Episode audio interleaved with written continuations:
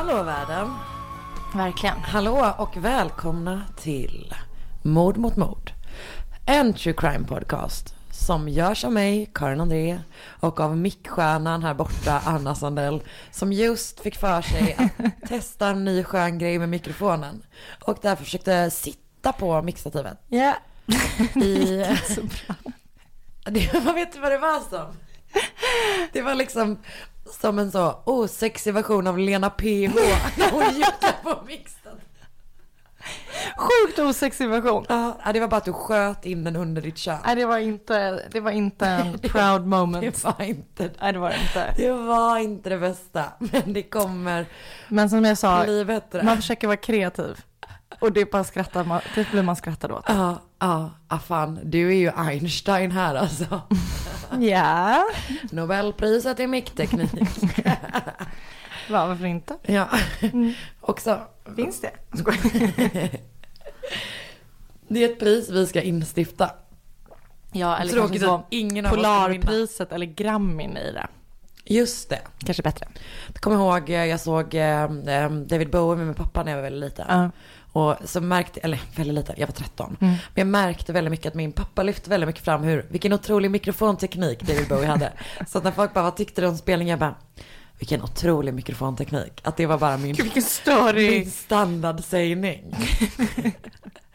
störig unge som har bra koll man märkte ju att han gillar ju grejerna från Heathen mer än vad han gillar sina gamla grejer. Men han rev av dem trofast ändå.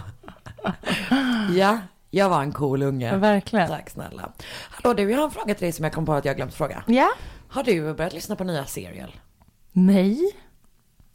Okej, du behöver inte bli arg. Nej, det har jag inte. Det har kommit, eh, eller när vi spelar in det här, eh, när vi släpper det här kommer det ha kommit typ fem avsnitt tror jag. Och jäklar, genast ska jag in och... Mm, alltså det är ju, jag tycker, och jag Vad handlar den här säsongen om? Alltså det är ju det här, att man kan liksom inte gå in i det och tänka nu kommer jag lyssna på serial. Nej. För att som vanligt, alltså så här, jag gillade inte förra säsongen. Nej, För att jag vet. tyckte att det var liksom som en sån, eh, att det kändes som att de försökte göra serial men med helt typ fel av Jag fattar, jag sorts fattar. fall. Mm. Men det här är ju något helt annat.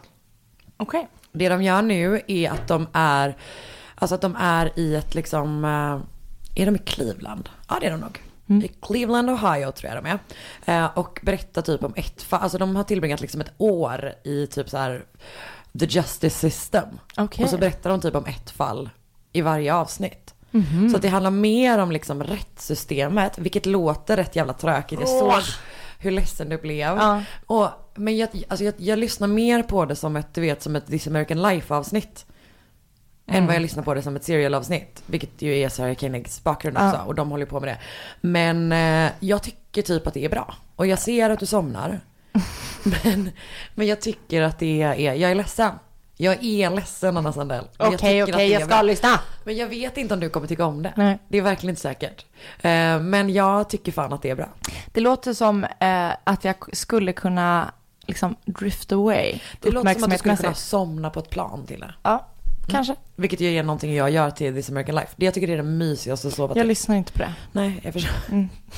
De släppte i och för sig ett avsnitt ganska nyss av This American Life. Som handlade om typ, eh, som handlade om rätts, eh, eller mordplatser. Eller liksom crime scenes. Ja. Eh, där de bland annat hade med en snubbe som städar sådana. Som var ganska Åh, spann- shit. spännande. Ja. Ehm, så det tycker jag man går in och lyssnar på om man är, är lite mer, om man vill ha något att lyssna på, somna till på planet som också Som är lite intressant. Som är lite intressant, exakt. Okej, ja, jag ska lyssna på nya serier. inte Nej, men jag kommer göra det. Jag vill göra det. Jag, jag, jag älskade säsong ett, tyckte säsong två var nog bättre än vad du tyckte. Ja, jag tror typ, jag vet inte ens om jag lyssnat klart på den. Alltså det var väl den med han militären och sådär. Exakt. Ja, men jag Bo Bergdahl. Just det, jag tyckte den var ganska bra.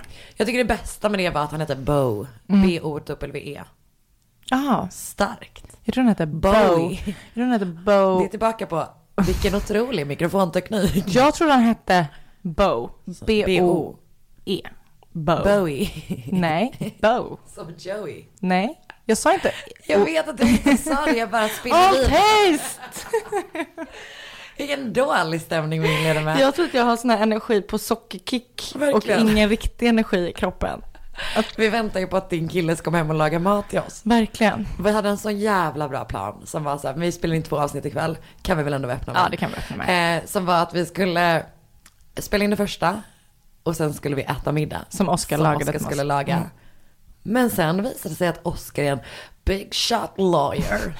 som inte kommer hem och tar hand om sina sambos. Verkligen. Så vi har nu ätit då bullar här. Det sprutar ur öronen på Jag har oss. just hällt upp ytterligare en kopp kaffe. Kommer må piss. Man kommer må piss. Men ja, ja. Men jag säger inte att det är Oscars fel, men du kanske kunde, Du kanske kan skynda dig du hem. kanske nästa gång. kunde prata om det lite med honom sen. Ja, ja, ja. Mm, det kommer ju bli, vi kommer vara tvungna att utmana honom på ett parti GV-spelet bara för att trycka till honom. Gud, stackars Oskar, han hängs ut så mycket här. Han är en jättesnäll person. Han är faktiskt det. Utan att vara tråkig snäll. Han är jättehärlig. För att det som jag kom på att jag glömde fråga dig om Ja. är att, eh, hur gick det med överraskningen? Ja, det gick så bra. Gjorde det det? Ja, det, var helt, det var helt otroligt. Berätta, alltså det är mest, du behöver inte göra en sån mammagrej som är såhär, allting började med att... Vi tog en taxi från, ja, nej det ska Fast, inte. jag vet, fast det är ju typ de bitarna jag vill höra om. För att jag, alltså jag behöver inte höra om att ni har varit på så Brandenburger Tor. men jag vill höra om själva överraskningsmomentet. Ja, men första överraskningsmomentet var bara väldigt roligt. Eller då åt vi, ja, han fick bara en väska packad. Allt sen så började med att jag kom hit Ja, och hämtat lite olika grejer. verkligen. Och lämnade tårtljus. Ja, Eh, men de var, var det bra tårtljus? det var bra tårtljus. Okej, bra. Eh, för det var, det var inte sådana fake tårtljus. Som jag berättade för Anna att jag en gång när jag skulle köpa tårtljus till en överraskningsmiddag för min kompis eh, Camilla. Så fick jag, det var typ min enda uppgift, bara, Karin kan du köpa tårtljus? Ja, absolut, inga problem. Sen var det någon slags lurig tårtljus som aldrig slocknade och sen så gick brandlarmet i hela jävla huset. Nej, så sjukt. Men vad skönt att höra att det inte var sådana jag gav till dig. Det var inte så, såna. Berätta. Och sen så fick han sin väska som jag hade packat. Och sitt pass som jag hade köpt sånt fint fodral till. Just det. Och sen så åkte vi taxi härifrån. Och hur var hans reaktion när, när du liksom gav honom väskan? Han blev jätteglad att vi skulle utomlands tror jag. Mm. Gud, fan vad mörkt om ni hade åkt till Jo. typ. Och sen så på Arlanda så listade han ut, för jag sa i taxin så här, tyvärr är vårt plan försenat. Så var han så här störig. Ja, ser du vilket plan som är försenat så, så här mycket? Okej, ja, vi ska till Berlin. Och då blev han jätte, jätteglad. Ah, ah, ah. Och sen så hade vi en jätterolig och härlig dag och kväll i Berlin på fredag. Och sen så var vi då på museum i eh, 40 timmar för att Oskar läser, jag har aldrig varit med en människa som läste så noga på alla skyltar. Nej. Jättebra museum. Men eh, Läste stod han så stilla och koll- kollade på alla skyltar? det var ett sjukt, jag hade gått hela utställningen och han hade kommit en meter typ. Ni har aldrig varit på museum innan? Jo, det har vi. Men eh, inte liksom, det här tyckte han var så otroligt intressant. Det tyckte jag också. Vad Jag det tyckte, museum? Ehm, det hette Topografi of Terror. Så det handlade om eh, liksom, hela na- Nazi-Tyskland. Det var jättebra museum, men det var, tog så lång tid. Och Ja. sen så var jag så nervös, för då så skulle då hans kompisar överraska honom på lunch. Just det. Och då hade jag så hög puls när vi var på väg dit, så att alltså, jag hade aldrig varit med om något liknande. Och sen så kom vi dit och han blev så sjukt överraskad. Och Och var det så att de, de satt där, ni kom in och han bara, Ja. ha? Men han, det var så, jag kan känna igen det när man blir chockad, för han ställde sig konstigt ut. Han bara, vilket plan reste ni hit med? Söt. Fy fan vad gullig. Ja, men det var helt otroligt roligt. Men det är ju så roligt att Mm. överraska någon. Det var verkligen härligt. Och jag kände mig helt tom typ i söndags när vi var på väg hem. För det, då var liksom, ja, det här har jag planerat nu tre Du månader. mådde ju också jättedåligt. Jag mådde också piss. Alltså, verkligen, jag jag inte tyckte- sticka under. Du skrev till mig och bara, jag vill krypa ur mitt eget skinn. ja. Vi var ute hela dagen och hela natten och festade och sådär. Mår inte bra av det. Det Alltså. var så synd om dig. Ja, det, det var inte kul. Det var inte kul.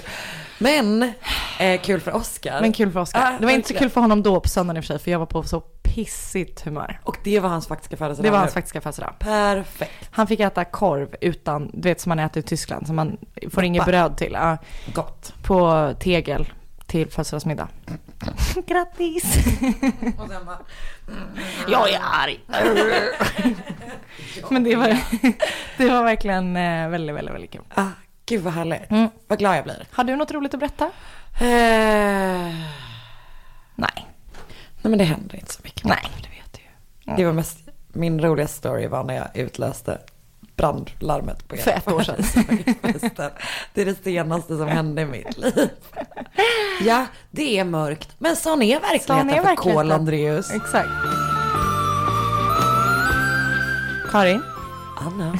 har du gått in på nextory.se kampanj och skrivit in mord mot mord som kampanjkod. Absolut, självklart. Gud vad härligt, för då har ju du, precis som våra lyssnare, en månad gratis på nextory.se. Och Nextory har ju ljud och e-böcker. Finns supermycket, finns massa true crime. Har du något eh, true crime tips den här veckan kanske? Ja, den här veckan vill jag tipsa om en bok som heter Monstret från Anderna, som ju är ett fall som jag gjorde för några avsnitt sedan. Om Pedro Alonso. Fy fan vad Mm. läskigt det var. Mm. Vad lyssnar du på? Som ni kommer höra om en stund så kommer jag den här veckan tipsa om en, eh, att Nordisk kriminalkrönika som ju är, eh, man under massa år skrev om de största fallen i Norden, alltså år för år. Och att det är typ poliserna och utredarna som jobbar med det som skriver om det. Spännande. Så sammanställs det till en, eh, till en, eh, liksom en, en bok. Och det finns jättemånga år om jättemånga fall på Nextory. Härligt. Så man kan lyssna på lite i taget. Det kommer jag göra. Ja, bra. Eh, så gå in på nextory.se slash kampanj. Skriv in kampanjkod mord mot mord. En månad gratis. Ni är med och stöttar oss och vår podd och arbetet med det. Och vi blir jätteglada för det. Ja, Hej! hej.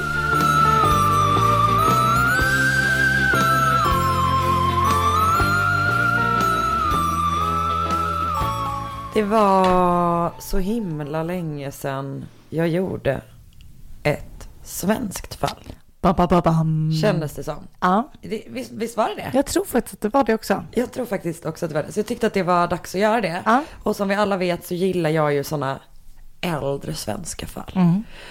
Eh, och det här är eh, Johanna Rapp Mm. som ju vi hade med i, eh, som är eh, journalist på Aftonbladet rapporterade från Madsen-rättegången som vi hade med och Mm. gjorde ett bonusavsnitt med. För sjukt länge sedan. För sjukt länge sedan. Eh, hon och jag blev liksom vänner över det här fallet. Mm. Alltså första gången vi typ pratade om någon sån här krimgrej så berättade hon om det här fallet. Ja, vad spännande. Och det är det sjukaste mm, någonsin typ. Mhm. Annan rolig detalj är att jag, för det finns inte särskilt mycket material om det. Mm. Men det är omskrivet i typ Nordisk kriminalkrönika. Mm. Eh, för massa år sedan. Och nordisk, alltså, har du någon koll på Nordisk kriminalkrönika? Nej, ingen. Okej men det var liksom en årsbok som Jo, det har jag, för det var där, ja precis. det gavs ut 1970 till 2016 så de ges inte ut Nej. längre. Som är liksom en sammanfattning av typ stora uppmärksammade fall Mm. berättade av de som har jobbat med det. Ja. Eh, och det är både Sverige, Finland, eh, Norge, Danmark och på senare tid också Island. Mm. Och det här är omskrivet i en sådan. Ah. Ehm, och idag så var det en person i vår Facebookgrupp Ja, ja, som ja. gjorde mig uppmärksammad på att Nordisk kriminalkrönika finns som ljudbok på Nextory. Just det. Så det kommer sen också vara mitt, eh, mitt Nextory-tips för veckan. Bra. Eh, för att eh, ja, det finns alltså hur mycket som helst. Mm. Där man kan höra om typ så här spännande fall från, ja, men, från Sverige och Mm. med grannländer. Så att nu kommer jag berätta om bastumordet i Överlida. Jaså? Har du talas om det? Ja, jag tror det. Du kommer aldrig glömma det, tyvärr. Nej, då kanske jag inte har det. Jag har se. också bytt ut namnen på eh, personerna eftersom jag har inte hittat att de har varit namngivna. Nej. Så jag tänker att jag safear upp. Okej, så Göran föds i Göteborg. Jag tror han föds i Vasa församling, mitt i stan. Eh, I Göteborg 1927. Och någon gång, jag vet inte när, så träffar han den två år yngre Maja. Hon är från Finland. Jag tror att han också har finskt påbrå, men han är född i Göteborg. Ehm, och de bosätter sig tillsammans i Majorna. Och jag tror typ att de bodde på samma adress som min kompis Lisa. Hon har en son sedan tidigare och de får en son till tillsammans. Eh, och de har en superpissig relation för att Göran är ett as. Han är kontrollerande, han är våldsam. Alltså det är inte bra någonstans liksom. Och hon säger typ ofta så här, jag ska lämna honom snart typ. Men Ja. vi vet om att det är fan inte lätt liksom. Eh, inte minst när man är rädd för sitt liv liksom. Nej. Med Hedvigs hemförsäkring är du skyddad från golv till tak oavsett om det gäller större skador eller mindre olyckor. Digital försäkring med personlig service, smidig hjälp och alltid utan bindningstid. Skaffa Hedvig så hjälper vi dig att säga upp din gamla försäkring. Hedvig hemförsäkring, ett klick bort. Hej! Magnus här på Färskvaruhallen i Hässleholm. I vårt butiksbageri bakar vi allt från grunden. Rediga råvaror och absolut ingen bake-off. Bröd, frallor, bullar, kondiskakor. tårtor och bakelser i olika form och färg. Och hör du, har du inte besökt Färskvaruhallens bageri så gör det nu. Vi har öppet från sju. Dåliga vibrationer är att gå utan byxor till jobbet. Bra vibrationer är när du inser att mobilen är i bröstfickan. Alla abonnemang för 20 kronor i månaden i fyra månader. Vimla! Mobiloperatören med bra vibrationer. Så, ehm, jag vet inte när det händer, men paret flyttar i alla fall till en villa i Överlida. Det ligger i Svenljunga kommun. Sex mil liksom rakt neråt landet från Borås. Okej. Så det är så här Sjuhäradsbygden. Eh, och 1984 är året vi kommer att prata om. Göran och Maja har en kombinerad buss och taxiverksamhet tillsammans. Eh, och bland annat så verkar de turas om lite grann om att köra skolbussen i området. Jag tror typ att det är ganska lantligt, Ja. lantlig situation här. Trevligt med skolbuss, det Jag låter vet. trevligt tycker jag. Så jävla mysigt. Eh, och den äldre sonen, eh, som är då bara hennes från början liksom, är, han är i mitten av 20 någonting. Och den yngre är 17 år gammal. Och jag har hört att den äldre åtminstone bodde hemma till 1983. Men min källa till det är typ random person på Flashback som skrev att de dejtade honom då. Okej. Så att, ja. Oavsett så bor den yngre hos sina föräldrar. Och Göran blir bara värre och värre. Han har tydligen varit så här kontrollerande i tidigare relationer också. Det är liksom hans beteende. hans grej. Ja, helt enkelt. Eh, och han blir, ja men, mer våldsam och är ett jävla jävla as. Så till slut får Maja då kontakt med en kvinnojour. Eh, och efter många om och men så är, börjar det liksom äntligen bli dags för henne att få lämna den här mannen. Eh, de ska hjälpa henne att fixa en lägenhet i Skene. Eh, och hon har också börjat få kontakt med typ en skilsmässoadvokat som ska ta hand om de bitarna av relationen. Men Göran får reda på det här och blir rasande. Alltså delvis blir han ju rasande för att han är så här, nej nej jag har kontroll i den här relationen. Men också för att han bara, nej nej jag vill inte dela mina pengar med dig. Jag vill inte dela taxi och bussverksamheten med dig. Liksom. Nej. Ehm, han tycker typ helt enkelt att han har rätt till allting.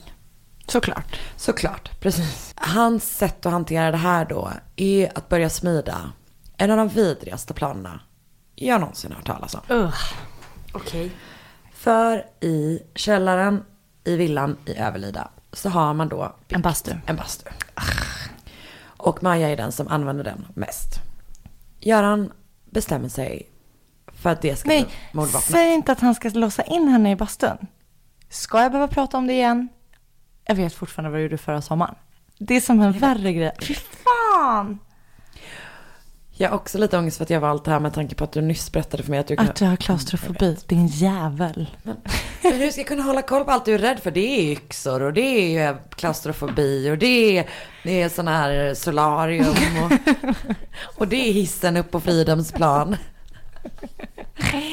Okej, fan vad grovt. Jag känner inte igen det här. Det här är ett extremt grovt fall och eh, det är jätteläskigt. Alltså det är verkligen jätteläskigt. Jag vill typ verkligen säga det redan från början. Ja. För att det är pissläskigt. Ehm, om, man, om man, till skillnad från Anna, kan stänga av att man känner obehag. Så är jag helt okej med att man Och gör det. på igen om tio minuter när det är min tur att berätta mitt fall. Nej, gör det. Eller då får man spola. Man just kan inte bara stänga av och pausa i tio minuter. Det är live. Okej. Någon gång i maj 84 då. Så börjar Göran sätta sin plan i verket. Eh, han börjar då med att täta en av de två ventiler som finns i bastun. Någon tid senare så tar han också tag i den andra. Och det är en sån du vet som man snurrar på. Just det.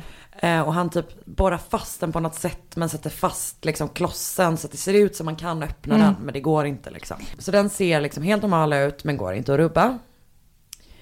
Under hela tiden så fortsätter då Maja att prata med den här kvinnojouren och det blir klart att den 2 juli ska hon och deras yngsta son få flytta till den här lägenheten som de har fixat.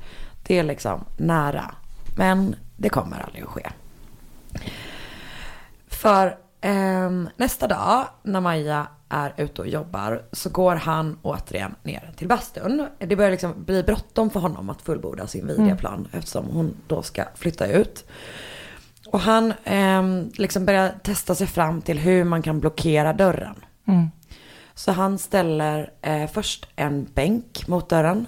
En stor så här, tung träbänk. Sen en sån vedlår, du vet, en sån liksom som man har eh, ved i en sån eh, låda typ. Ställer han den ovanpå den. Och sen så går han till verkstaden och typ tar en, om det är ett, om det är ett vedträ eller liksom en planka av något slag. Men han slipar i alla fall ner den tills den liksom passar helt perfekt att typ kila under handtaget på något sätt. Sätta det i Ah. vedlåren. Alltså det är verkligen så här, den är, den är byggd, eller den är filad för att passa det. Men det är en hemma, hemmaanordning liksom. Och när han är klar kan man då inte öppna bastun inifrån. Och termostaten till bastun sitter förstås på utsidan. Lördagen den 30 juni 1984 blir Maja och Görans son, han är 17-åringen, sjukt förvånad när han säger till sin pappa att han skulle vilja gå på fest. Alltså han, vill, han ska typ dra till någon slags så här semicampingställe. Där han, det är ju så här sommarlov, eh, där han och hans kompisar ska liksom typ festa också, alltså campa. Ja, tälta över. över, typ. ja. Tälta över kan man. Ja. För att hans pappa brukar typ alltid bli lack på när han vill gå på fest för att han tycker att det är slöseri med pengar. Okej, dad. Men Eh, han har ju helt rätt i det. Säger du efter en helg i Berlin. Ehm, men den här gången när han säger det här, så hans pappa bara absolut, klart, klart killen ska gå på campingfest. Jag kan köra dig, typ. Shit. Eh, så vid sjutiden på kvällen så skjutsar då Göran sonen till festen. Han är tillbaka i huset igen någon halvtimme senare. Maja har en sån mysig kvällsrutin som jag är väldigt avundsjuk på. Eller kommer inte vara avundsjuk på, men det låter mysigt. För först kollar hon på tv eh, en stund. Och sen vid nio tiden så klär hon av sina kläder, sätter på sin morgonrock. Och så går hon ner och badar bastu på 65 grader, vilket jag också tycker låter så... Det låter skönt. För jag, jag, inte, jag är inte jätterädd för den här för jag gillar inte att basta så mycket. Nej, jag gör inte heller det, för jag tycker inte om när det, jag klarar typ inte av riktigt när det är inte för jag varmt. heller. Alltså 65 grader låter precis lagom. Exakt, precis så. Alltså min mamma är en sån stor bastare. Jag har liksom traumatiska minnen från när jag försökte eh, få henne att tycka att jag var fräck genom att våga basta med henne typ. Men det gick aldrig. Nej. Och då blev hon arg när man öppnade dörren hela tiden och sprang in och ut. Ja. Nog om mitt trauma. Verkligen. Och det här är framförallt någonting hon typ så gör på lördagar. Och det här är ju då en lördag. Den här kvällen var något lite extra bra på tv. För mig att jag läste någonstans att det var typ ett program från Skansen. Ehm, Kanske Allsång på Skansen. Jag vet, men var det... Jag Det har gått så länge. Jag vet, men jag var mer så här, det brukar vi inte gå på lördagar. Kanske gjorde det innan. Det kanske gjorde det innan ja. Ja. Mm. Eh, så Maja går då inte ner till bastun förrän vid tio. Eh, hon har också med sig deras lilla hund. Nej. In i bastun. Tydligen. Det låter alltid taskigt. Jag vet, det låter verkligen märkligt. Men han har en liten plats. Där det inte blir så varmt på. Och medan hon går ner då så sitter Göran kvar och kollar på tv. Efter tio minuter går han ner efter sin stackars jävla fru. Och han drar fram bänken, vedlåren, sätter fast. Ser hon det inte hända liksom? Nej, nej, hon är där inne. Ja, okej. Jag tänkte att det var sån här modern men Aha, det var det nog nej, nej, inte. nej. Kan du tänka dig ens hur mycket furu det var? alltså, så jävla mycket trä. Ställer fram sina grejer, kilar fast dörren. Och så sätter han på termostaten på max. Nej men gud. 110 grader. Och sen sätter han sig utanför och väntar. Nej. Och efter ett tag så hör han typ hur hon så här kliver ner från bänken. Och du vet försöker öppna dörren. Alltså det är uppenbarligen blivit varmare än vad hon ska fixa termostaten antar jag. Och bara får inte upp den.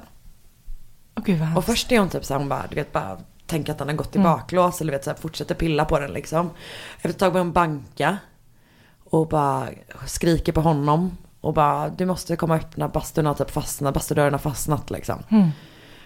Meanwhile, han står utanför och bara, alltså han sitter liksom där och bara men gud vad hemskt. Och när hon väl börjar skrika för mycket så går han upp och sätter sig framför tvn och höjer volymen. Nej. Vid tre på natten så kommer sonen hem För han har bestämt sig för att inte sova över där trots allt. Och han har inga nycklar så han typ bankar på dörren och när pappan kommer och öppnar så är han så här. Varför har inte du pyjamas på dig? Varför har du inte gått och lagt dig typ? Och så känner han också att det luktar rök. Mm. Så han bara, var är mamma? Och då svarar Göran. Mamma har bastat ihjäl sig. Nej. Så de går båda två ner till källaren. Där Göran då förstås flyttar tillbaka alla sådana grejer. Så att man inte ska kunna fatta någonting. Eller man inte ska kunna se sakerna. Och när de öppnar dörren så ligger då stackars, stackars jävla oh, Maja där. Och det är så hemskt varför valde jag det här fallet? Men hade han ringt polisen och så då eller? Vi kommer till det. Men on a positive note. Mm. Hunden springer ut. Den överlevde? Den har legat längst in mot väggen under en bänk. På ett ställe där det inte blev lika varmt. Gud vad sjukt. Och det vill jag bara berätta att jag var väldigt tveksam till det. Men sen sa GV att det var så. Så jag tänkte att Då stämmer det säkert. Mm. Eh, Göran, alltså sonen är så här bara, har du ringt ambulans? Göran bara, nej jag upptäckte det precis.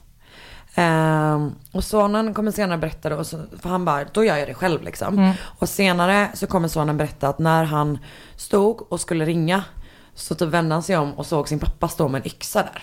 Va? Så han springer då ut ur huset. Eh, det är lite oklart vem det är som larmar. För jag har läst på vissa ställen att det är eh, grannar som gör det för att det kommer rök från källaren liksom. Men jag har läst på något annat ställe att det är sonen som gör det men från en granne för att han typ är rädd för sin pappa liksom. Okej. Jag vet om att det kom brandkår i alla fall. För att jag läste en intervju med de två brandgubbarna Nej. när de gick i pension. Gud vad coolt. Oavsett då så kommer polis och brandkår dit. Eh, oavsett vem som har ringt. Strax efter att sonen kommit hem. Och Göran fortsätter då upprepa det han har sagt till sin son. Hon har bastat ihjäl sig. Eller hon har badat ihjäl sig. Också lite oklart. Eh, båda två är superchockade så de får åka till- sjukhuset. Det är liksom en helt vidrig syn som möter dem. Och det blir ofta, alltså, så jävla tydligt, så jävla snabbt vilken panik det har varit. Liksom. Hela det här stycket kommer bli jättehemskt, okej? Nu tar vi oss igenom det här. Hon har liksom inte bara så hon har brutit loss plank- plankor från eh, bänken och försökt ta sig ut. Men man hittar också märken från liksom naglar på dörren. Så hon har liksom verkligen så här bara krigat Aj, för aj. sitt jävla liv. Medan hennes man har typ suttit uppe och bara kollat på några jävla deckare typ. Han ställer termostaten på 110 grader. Men när man testar bastun så inser man att den, går bara upp till 88. Det är typ det varmaste den blir. Och man tror därför att det tog liksom två till tre timmar. Ja men gud. Vilket jag tycker, tycker det låter väldigt lite på den värmen. Men det... Hon måste ju också när hon fick sån här panik tänker jag. Då Ja. gör man väl av med extra energi. Jag vet inte, tänker Ja, att jag vet om man inte. bara sitter helt i viloposition. så- Jag har ingen aning. Nej, jag är inte heller någon av... Jag menar folk dör ju i bastu-VM och sånt också liksom. Ja. Eh, och man börjar då förstås direkt misstänka Göran. Mm. Man hittar ju liksom pinnen han har kilat fast grejer men man ser typ bara, ja, där har han filat den ner så den passar in där. Det känns lite konstigt typ. Man inser också att ventilerna är ju igensatta. Så ett par dagar senare så anhålls han. Och först påstår han då att Maja bastade ihjäl sig i tre dagar. Men sen så erkänner han att det var han som låg bakom det. Och då börjar han typ jobba på någon slags så här galenskapsräddning. Att han bara, oh, jag är helt galen. Alltså han är riktigt dålig på det tydligen. Sen säger han så här, djävulen flög i mig och sådana grejer väldigt mycket. Eh, ingen eh, verkar köpa det. Ehm, så den 3 oktober 1984 dömer Sjuhäradsbygdens tingsrätt Göran till livstidsfängelse för mordet på Maja. Och i december samma år så fastställer hovrätten i Göteborg domen. Några år efter så söker båda sönerna skadestånd.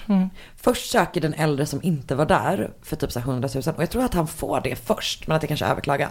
Och den yngre bara, eh, ja jag är också, också lite traumatiserad. Så han söker med. Jag vet inte riktigt vad som hänt eftersom allting typ hänger på, alltså jag har fått göra en sån jävla mediesök på det här fallet liksom. Ehm, så jag vet inte riktigt vad som hände men jag vet att de sökte det och i någon instans så blev jag åtminstone den äldre Okej. brodern, broderns godkänd.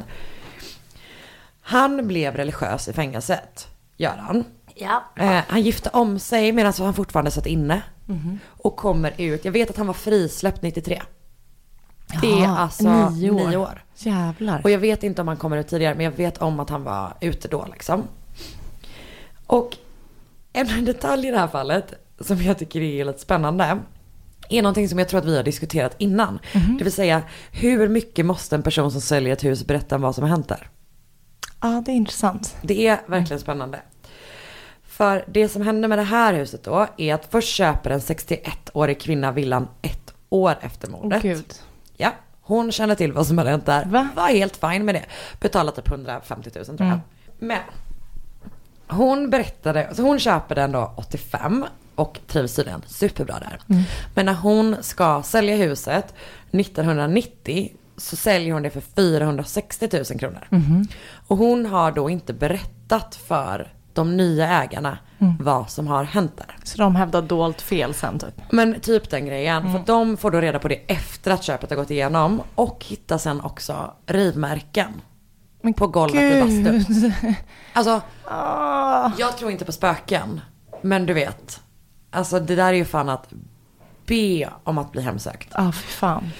Ja, så de försöker då sälja huset i typ två år. Och bara, vi kan inte bo här. Jag har pannor liksom.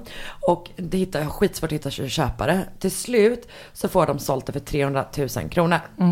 Så de är så här, de bara, ja men exakt att det liksom är eh, dolt fel. Eller svikligt förfarande. Kommer är någon, någon slags term. Vi kanske kan fråga Oskar det sen. Ja. Eh, så tingsrätten ger först säljaren rätt. Men sen går det till hov- hovrätten och de går emot det och säger att säljaren skulle vara tvungen att betala 300 000 kronor i skadestånd för att hon har gjort sig skyldig till svikligt förfarande. Vilket jag i och för sig tycker att det låter som en så himla hög summa med tanke på att de gick bara 160 000 kronor back. Ja. Så att jag vet inte om det är någon slags mix-up med siffrorna där, men så stod det i alla fall. Ehm, och det var sen på väg upp i HD. Men till slut så bestämde, alltså bestämde HD för sig för att inte ta upp det. Så att eh, de fick alltså pengar. Ja, bra. För att de inte hade fått reda på på förhand att det hade begåtts ett fruktansvärt jävla mord i huset. Vad sjukt. Så det där var bastumordet i Gud vad Överlida. obehagligt. Är du ledsen på mig? Nej, men det var väldigt hemskt. Det är fruktansvärt. Mm. Tänk vad många sådana fall som finns där ute ändå. Som man inte vet om. Nej. Ja. Otroligt hemskt. Men tack för det.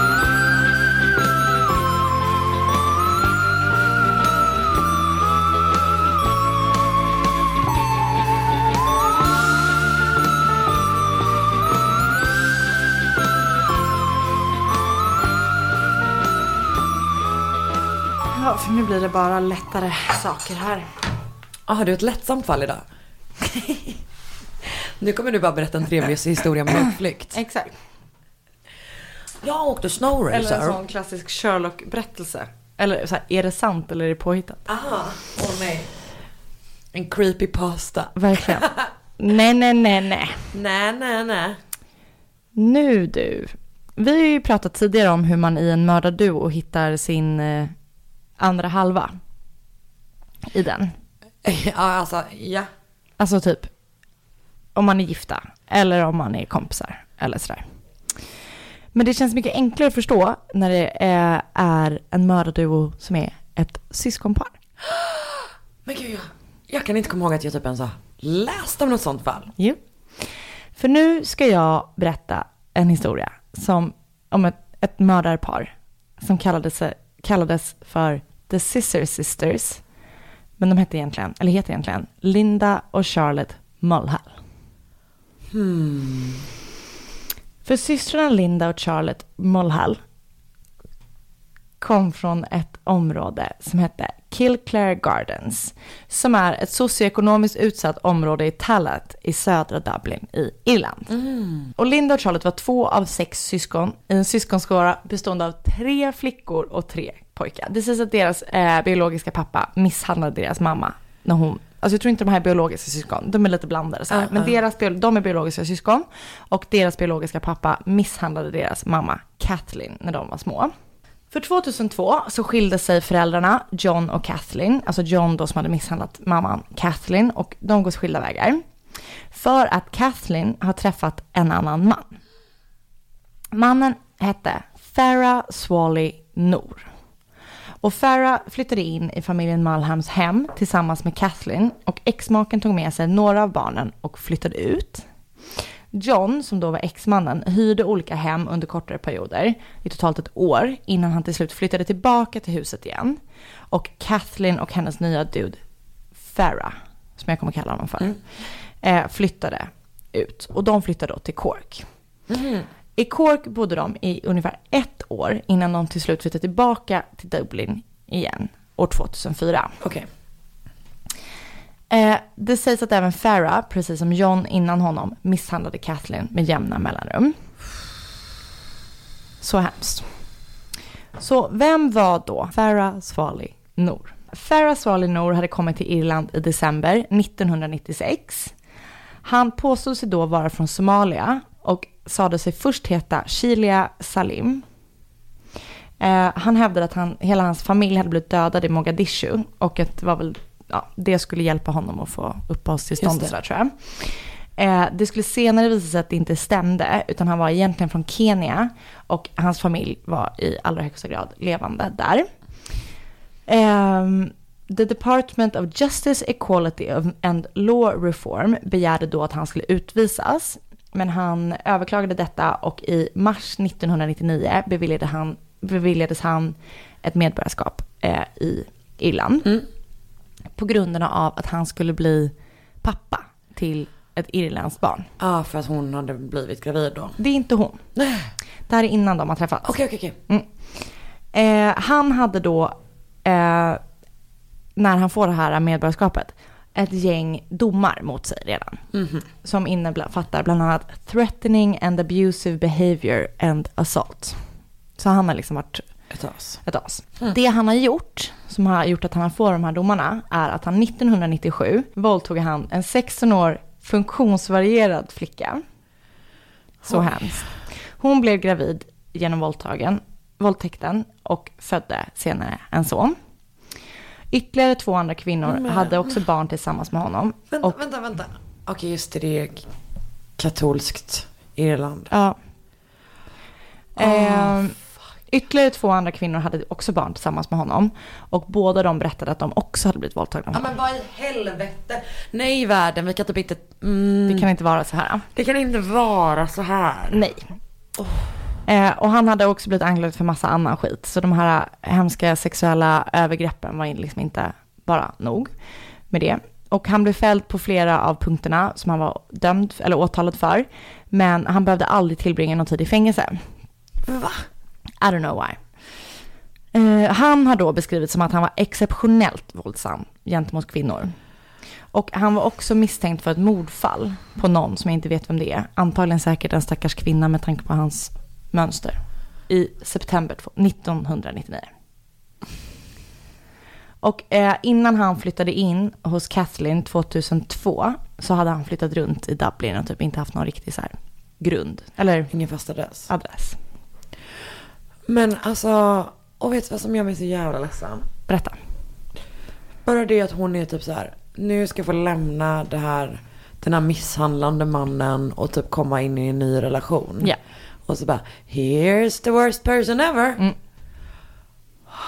Det här är så sorgligt. Det är så sorgligt. Jag fortsätter. Fram till, nu är vi på 20 mars 2005. Mm. Linda Mulhall, som var då en av Kathleens döttrar, jag tror att hon är hennes äldsta dotter. Hon var 2005 30 år gammal. Och hon hade inget jobb och fyra barn. Hon hade en lång historia av både alkohol och heroinmissbruk. Ehm, och sen så var det då Charlotte, den an, en annan av Kathleens döttrar, som vid det här tillfället, 2005, var 23 år. Och hon hade precis som sin syster också problem med alkohol och droger. Hon hade också några mindre domar, eller lättare domar för skadegörelse och sånt, eh, dömda mot sig. Och hon har även en historia eh, som sexarbetare. Eh, Så de här två döttrarna, deras mamma Kathleen och Farah, satt och krökade eh, inne i Dublin på någon pub typ. Och det här var bank holiday i och med att det var St. Patrick's weekend. Eh, så de typ krökade loss totalt och efter de hade lämnat den här puben så gick de vidare och så köpte de med sig vodka och Coca-Cola och typ drack det omkring på gatorna. Och någon gång under den här promenaden så stannar eh, mamman och Charlotte till för att ta ecstasy-tabletter. Gud, en relation man inte har med sin mamma. Verkligen. Och när de har gjort det så åker de hem till Kathleens lägenhet som hon hyrde i Richmond Cottages. Och väl där så fortsätter de att ta mer ecstasy. Mamman, Kathleen, krossar även ecstasy eh, och lägger i Farahs drink. Drink, drink. För jag vet inte om han har tagit det. Men för hon vill att de ska alla ha liksom same buzz. Ja. Linda och Farah, systrarna. Nej, ena systern, den äldsta systern och mannen sitter tillsammans i en soffa. Och på armstödet till soffan sitter systern Charlotte. Eh, och som jag förstår det så börjar eh, Farah från ingenstans tafsa på Charlotte. Han viskar liksom in i hennes öra och lägger armen kring hennes midja och vägrar släppa taget om henne. Eh, och han ska typ säga så här, du är så lik din mamma, typ, du är så snygg och du vet så. Var inte hans mamma... Mamman var där. Men han kan, hade ju bara kunnat tafsa på henne då istället. Om selling pointen var att hon var lik sin mamma menar jag. Verkligen. Och mamman börjar eh, skrika på honom och typ vad håller du på med och blir så här galen. Och sedan på något vis så uppmuntrar barnen, nej mamman uppmuntrar barnen att döda Farah för hennes skull. What? Eh, varpå Charlotte tar fram en kniv av märket Stanley och hugger honom bara rakt i halsen. Vänta, hur gick vi från alla Alltså, jag lika tror- bra buzz? Jag tror inte att det var så här tafs, mörda honom, hugg. Utan Nej, jag tror det att det var så här tafs och sen så liksom händer saker. Ja. Kan inte ni döda honom? Och sen hugg. Så hon hugger honom rakt i halsen. Och efter att Charlotte har huggit honom i halsen så tar Linda fram en hammare. Och sen börjar hon slå honom upprepade gånger i huvudet. Mamman tittar på men deltar inte i mordet på ett mer liksom aktivt sätt än att hon är åskådare bara. Och också den som sa att de... Ja, instigator. Och totalt blir Farah Noor knivhuggen 27 gånger. Eller det kan ha varit ännu fler gånger. Men rättsläkarna fick aldrig chansen att undersöka hela hans kropp. What did they do? För att efter att de mördat Farah så släpar de in honom i badrummet där de börjar stycka hans kropp. Farahs huvud, alla lemmar och penis blev illa åtgångna med både en hammare och kniv. De la handdukar över hans kropp för att minska blodflödet. De liksom skulle så hindra badrummet för att bli helt blodtryckt, bl- blod, eh. Och styckningen tog totalt flera timmar. De la sedan alla kroppsdelar i så svarta sopsäckar och såna sportsbags, alltså typ träningsväskor. Som de sedan gjorde sig av med i Royal Canal. Och då tog de flera resor fram och tillbaka till kanalen för att göra sig av med alla kroppsdelar. Vilket jag antar typ att de måste ha ett kommunalt och inte orkat bära allting. Vilket ju inte är helt sjukt, men jag, eh, jag, det känns ändå som en sjukt tillvägagångssätt på något vis. Ehm, och de bestämde sig för att inte slänga hans huvud i floden för de ville undvika att han skulle bli identifierad på det viset. Så det de gör är att de istället tar bussen eh, till Talat där de går igenom The Square Shopping Center till Timon North Park. Sen går de en bit in i skogen, eller i parken. Och sen gräver Charlotte en grop i marken med hjälp av en kniv. I gropen lägger de Farahs huvud och kniven och hammaren som de har använt sig av slänger mamma Kathleen i en damm som ligger i närheten. Gud, så de liksom gick... De satt på en kollekt... eh, Alltså på en buss. Mm. Med ett huvud. Ja. Jag antar att de åker buss. Jag vet inte det, men det är min gissning. De var också sådana störiga jävlar som inte du vet som hade det på sätet bredvid sig. Eller en ryggsäck som de inte tog av. Bara, kan, du, kan du bara ha ditt huvud i knät? Ehm, och några dagar efter så ska Linda tydligen ha återvänt till platsen där de begravde huvudet för att flytta det med hjälp av en, en av hennes söners skolväska. De flyttade huvudet då till en ny plats, vilket var Kill, Killinerden Estate. Och innan hon begravde huvudet slog hon det igen flera gånger med en hammare. Jävlar vad de inte gillar honom. Nej, alltså så sjukt. Och anledningen till att man ens uppmärksammade mordet eh, var för att tio dagar senare så såg någon Farahs ben med en strumpa på e-, foten eh, flyta i kanalen som de dumpat honom i. Eh, och efter att man sett benet då så gjorde dykare dök ner och gjorde ytterligare fynd. Och totalt blev det sju delar som alla tillhörde Farah. Och de hittade, hade ju inget huvud och sådär. Men de kunde identifiera honom genom att vädja i media. Och då visade de bilder eh, på en t-shirt som han hade haft på sig när han blev hittad. Och då var det någon som kände honom som kunde identifiera att det var han.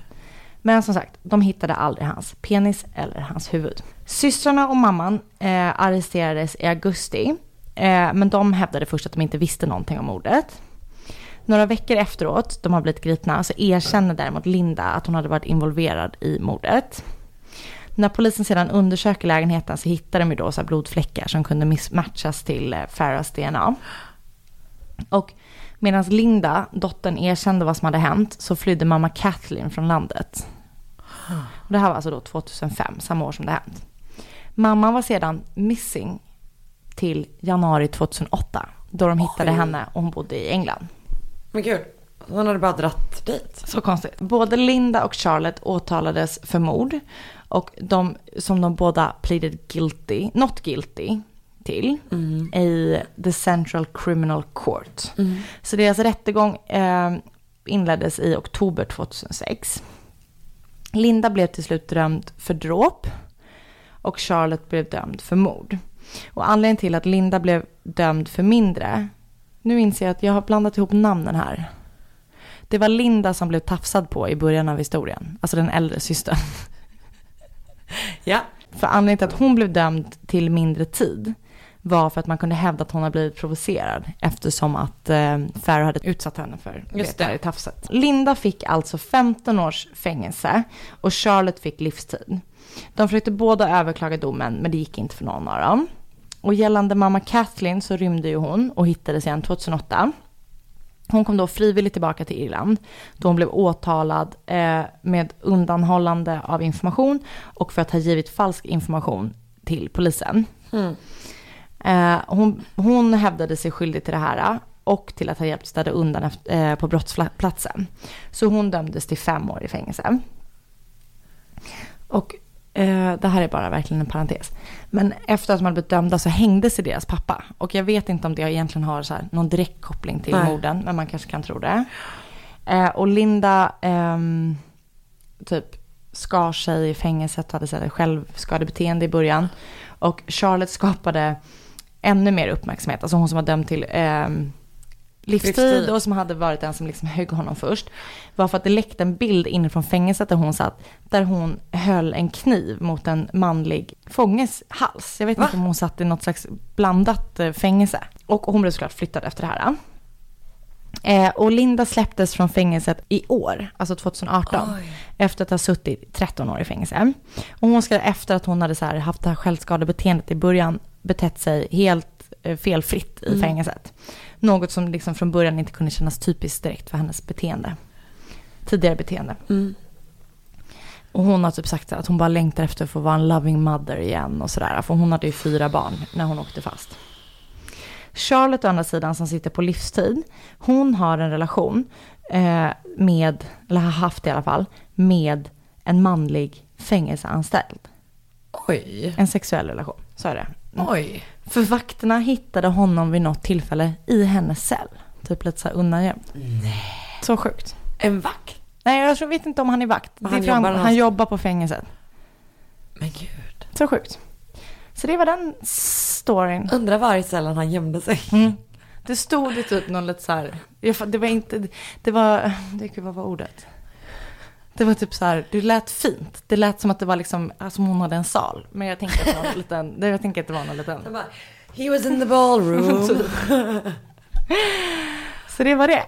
The sister sisters. Ja, väldigt spännande. Det där är ju, ja. Men gud, det är liksom så intressant hur någon kan gå från att vara så fyra barns mamma. Alltså du vet. Även om de hade haft det jävligt stökigt liksom. Och sen bara, Jag tänker att de var så här sjukt påtända, fulla typ. Blev rädda, jag vet ja, inte. och typ han har varit, de kanske typ inte hade fattat hur riktigt han hade varit mot deras mamma Nej, innan. Så hemskt i alla fall. Gud. Ja. Du, tack snälla. Tack. Ehm, man får gärna följa oss på Instagram. Du heter att Sandelana. Jag heter att Karin Landre. Där önskar man fall. Ja. Vad får man mer göra? Gå med i vår Facebookgrupp som Ja. heter Mord mot mord podcast. Där vi alltid lägger upp eh, länkar och bilder och sånt från fallet. Ehm, som vi kommer göra även när vi släpper det här avsnittet. Jajamän. Förstås. Och även det pågår en massa andra härliga diskussioner där. Så Det är fantastiskt. Eh, och sen kan man få lägga en review på oss på iTunes. Om man vill. Eh, nu är det fan dags att gå ut och kolla hur det går för Oscar. Nu måste vi övervaka köket. Ja, verkligen. Hejdå. Dåliga vibrationer är att gå utan byxor till jobbet. Bra vibrationer är när du inser att mobilen är i bröstfickan. Alla abonnemang för 20 kronor i månaden i fyra månader. Vimla! Mobiloperatören med bra vibrationer.